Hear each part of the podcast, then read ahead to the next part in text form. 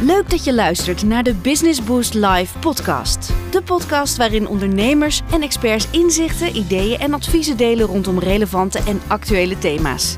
Met de concrete handvatten en tips kunt u als ondernemer direct aan de slag. Arjen Paardenkoper, ja, met zijn jarenlange ervaring als advocaat ondernemingsrecht is hij in deze tijd ongelooflijk druk. En toch is hij hier te gast om zoveel mogelijk ondernemers te helpen met zijn juridisch advies. Arjen, welkom. Wat fijn dat je er weer bent vanavond. Ja, dankjewel. Ja, laten we positief beginnen. Ik heb er zin in. Uh, nou, wat fijn, want uh, die positieve attitude die kunnen we allemaal uh, heel erg goed uh, gebruiken. We gaan maar door met elkaar met die crisis. Maar laten we even positief beginnen, want daar zijn we van. Ehm, nu het Verenigd Koninkrijk definitief de EU heeft verlaten en er een nieuw handelsakkoord ligt, zie jij namelijk kansen voor Nederlandse ondernemers na de Brexit. Nou, dat is natuurlijk fantastisch. Vertel. Ja, natuurlijk, Sophie. Kijk, ik, uh, ik had gedacht dat, uh, dat we in de EU dat wij altijd onderop lagen en minister Johnson, uh, premier Johnson bovenop. maar minister Hoekstra en zijn kornuiten hebben goed onderhandeld en hebben ervoor gezorgd eigenlijk dat Nederland kansen krijgt als een logistieke hub. Want zoals je weet, in Europa is vrij verkeer van, van goederen en diensten. Um, dat is na de brexit blijft dat ook zo met Engeland. We kunnen gewoon vrijelijk uit- en invoeren zonder invoerbelasting te betalen, maar wel uh, BTW en, uh, en accijnsen. Dus mijn vrouw die regelmatig in Engeland uh, winkelt, die krijgt er opeens 21% bij. Dat viel even tegen. Maar voor de ondernemers betekent het dat um, um, de EU um, een, een, mooi onderhandelingsresultaat heeft bereikt. Want Engeland mag alleen nog maar belastingvrij exporteren naar Europa als het goederen zijn die alleen in Engeland zijn geproduceerd. En wat zag je nou uh, voordat Engeland de EU verliet? Was Engeland eigenlijk de hub van Europa? De Amerikanen leverden heel veel in Engeland en via Engeland gingen ze Europa in. Dat gaat nu niet meer gebeuren, want dan krijg je op die producten een dubbele importheffing. Eerst als het vanuit Amerika Engeland binnenkomt en dan vanuit Engeland Europa. Dus ik voorspel dat uh, Nederland daar een belangrijke rol in gaat spelen. Uh, Rotterdam zal zeker gaan stijgen als aantrekkelijke haven. En dat gaat voor de, voor de ondernemers in Nederland uh, in de logistiek, maar ook aanverwante sector zeker, betekenen dat er, uh, dat er meer bedrijvigheid gaat ontstaan door de brexit. Dus dat is een mooie, mooie verdrag. Een mooi bijeffect en goed onderhandeld dus. Dat mag ook wel eens even gezegd ja, worden. Dat is niet altijd zo. Dus Nederland als logistieke hub. Nou ja, en jouw vrouw moet natuurlijk gewoon support your locals. Nu alles afhalen bij de winkels. Want dat mag weer. Zo is het. Veel ondernemers krijgen uh, het financieel nu echt wel moeilijk natuurlijk... ten gevolge van deze crisis. Welke opties hebben zij nou om niet failliet te gaan? Ja, wat je ziet, die, die steunmaatregelen werken echt in de praktijk. We hadden een team van tien juristen klaarzitten om alle faillissementen op te vangen. En de faillissementen zijn lager dan ooit. Dus uh, ook daar bedankt meneer Hoekstra.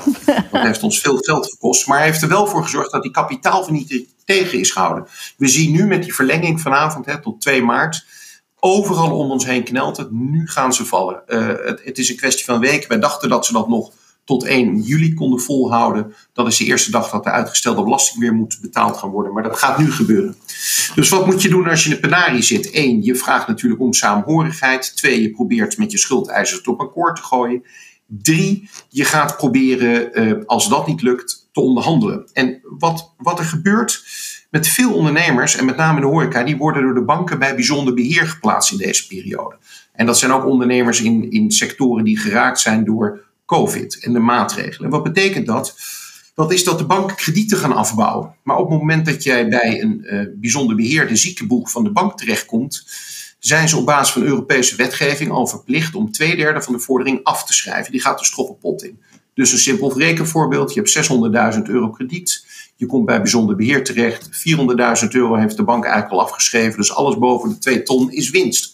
Daar sturen wij op. Dus wij proberen dat met banken buitengerechtelijk, dus buiten de rechtszaal, uit te onderhandelen. Als dat niet lukt, dan hebben we natuurlijk de WOA, de wet homologatie onderhands akkoord. 1 januari is die in werking getreden door afkondiging in het staatsblad. En de eerste uh, uh, gevallen zijn er al, hè, de positieve gevallen. Het is dus een Chapter 11, een Amerikaanse schuldsanering, waarbij je op vrij eenvoudige wijze je schuldeisers voor lagere bedragen kan afkopen met goedkeuring van de rechter. Dus voor iedereen dwingend. Dus mijn advies is, ga nou niet te snel naar de faillissementsrechter. Vraag niet je eigen faillissement aan, zeker in deze tijd. Er zijn er enorme kortingen uit te onderhandelen en, en uiteindelijk kan je je schuldeisers ook dwingen, inclusief de pandhouders Want die kan je zes maanden op afstand zetten. 21 januari, jongsleden, rechtbank Den Haag. Uh, beslissing in een bodemzaak, dus niet in een kort gedingprocedure. Horecaondernemers die getroffen worden door de uh, COVID-maatregelen recht op 50% huurkorting bij sluiting en 25% bij sluiting s'avonds om 10 uur. Dat is in eerste instantie voor de horeca. Maar als je, die, als je de uitspraak goed leest, geldt dat voor iedere ondernemer die getroffen is door de uh, COVID-maatregelen. Dat betekent wel dat je erom moet vragen. De, de, meeste verhuurders geven het je niet. Alhoewel die uitspraak wel door de verhuurders goed is opgepikt. Er is veel publiciteit over, uh, Sophie. En wat je nu al ziet is dat de verhuurders nu opeens zeggen... daar waar de helft niet meewerkt een huurkorting... wij geven korting, grote advertentie in de krant... maar koop dan toch de Hollandse waar en steunt elkaar. Daar komen we terug op het. Uh, hè, dus mevrouw Paardenkoper zal het minder leuk vinden, maar dat is niet anders. uh, zo omzeilen we ook meteen de BTW-problematiek in het kader van de Brexit. Dus je kan die korting krijgen, zelfs met terugwerkende kracht. Dus vraag het ook, anders krijg je die. En er is één groot verschil met de eerdere rechtspraak. De eerdere rechtspraak waren kort gedingen uitspraken. Daar was sprake van een opschorting van de betalingsverplichting. Dus je moest in een later stadium alsnog betalen. Nee, zegt de rechter nu. Corona is een gebrek. Corona is een onvoorziene omstandigheid op basis waarvan je het contract eenzijdig mag wijzigen. Dus verhuurkorting vragen en je krijgt hem ook 50%. Nou, dat is inderdaad een hele geruststelling, denk ik, uh, als je een eigen zaak hebt. En uh, niet alleen dus voor de horeca-ondernemers, maar ook uh, in, in de retail. Want wat kunnen ondernemers doen als, als medewerkers weigeren om zo'n mondkapje te dragen? Je, je kan ze niet verplicht laten testen. Hè, ze, of tenminste, ze, moeten dan niet, ze hoeven niet per se hun resultaat van de test te delen. Maar hoe zit het met het mondkapje? Nou, Sophie, dat, uh, dat, uh, er is een recente uitspraak, ook van januari. De rechterlijke macht zit niet stil in deze tijd. Productiever dan ooit, omdat alles online kan. Fantastisch.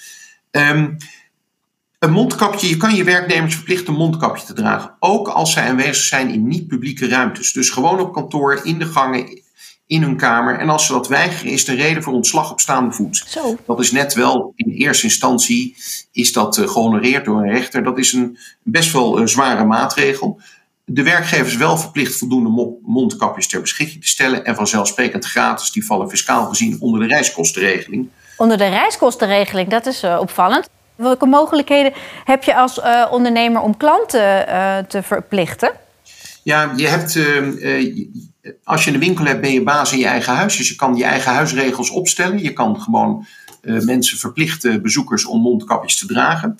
Als ze dat niet doen, moet je ze vragen om dat alsnog te doen. Als ze dan weigeren, dan kan je gaan vechten bij de deur als een ouderwetse uitsmijter. Maar het advies van meeste paardenkoper luidt om ze gewoon toe te laten. Uh, je zal er niet voor worden beboet. En als je echt wil ingrijpen, dan moet je de, de BOA's erbij halen om ervoor te zorgen dat die uh, desbetreffende uh, onwelwillige burger uit je zaak verwijderen. Nou, ik hoop niet dat het uh, zover uh, komt, maar het is fijn om te weten dat die mogelijkheid er is. Arjen, heel erg uh, bedankt weer. Hè. Eventjes de learnings op een rij. Het, het handelsakkoord tussen de EU en het Verenigd Koninkrijk biedt kansen, maar let wel op de gewijzigde accijns en de btw-regels. retail- en horecaondernemers hebben recht op, of kunnen recht hebben op de huurprijsverlaging tot 50%. Werkgevers mogen werknemers verplichten tot het dragen van een mondkapje. Dus dat zijn even de learnings die wij voor vandaag mee kunnen nemen van Arjen Paardenkoper. Dankjewel. Graag gedaan, Sophie. Ja. Dank voor het luisteren naar de Business Boost Live podcast. Bent u benieuwd naar de verhalen van andere ondernemers en experts? Elke week delen wij nieuwe podcasts of neem een kijkje in onze bibliotheek op www.businessboostlive.nl. Tot volgende keer.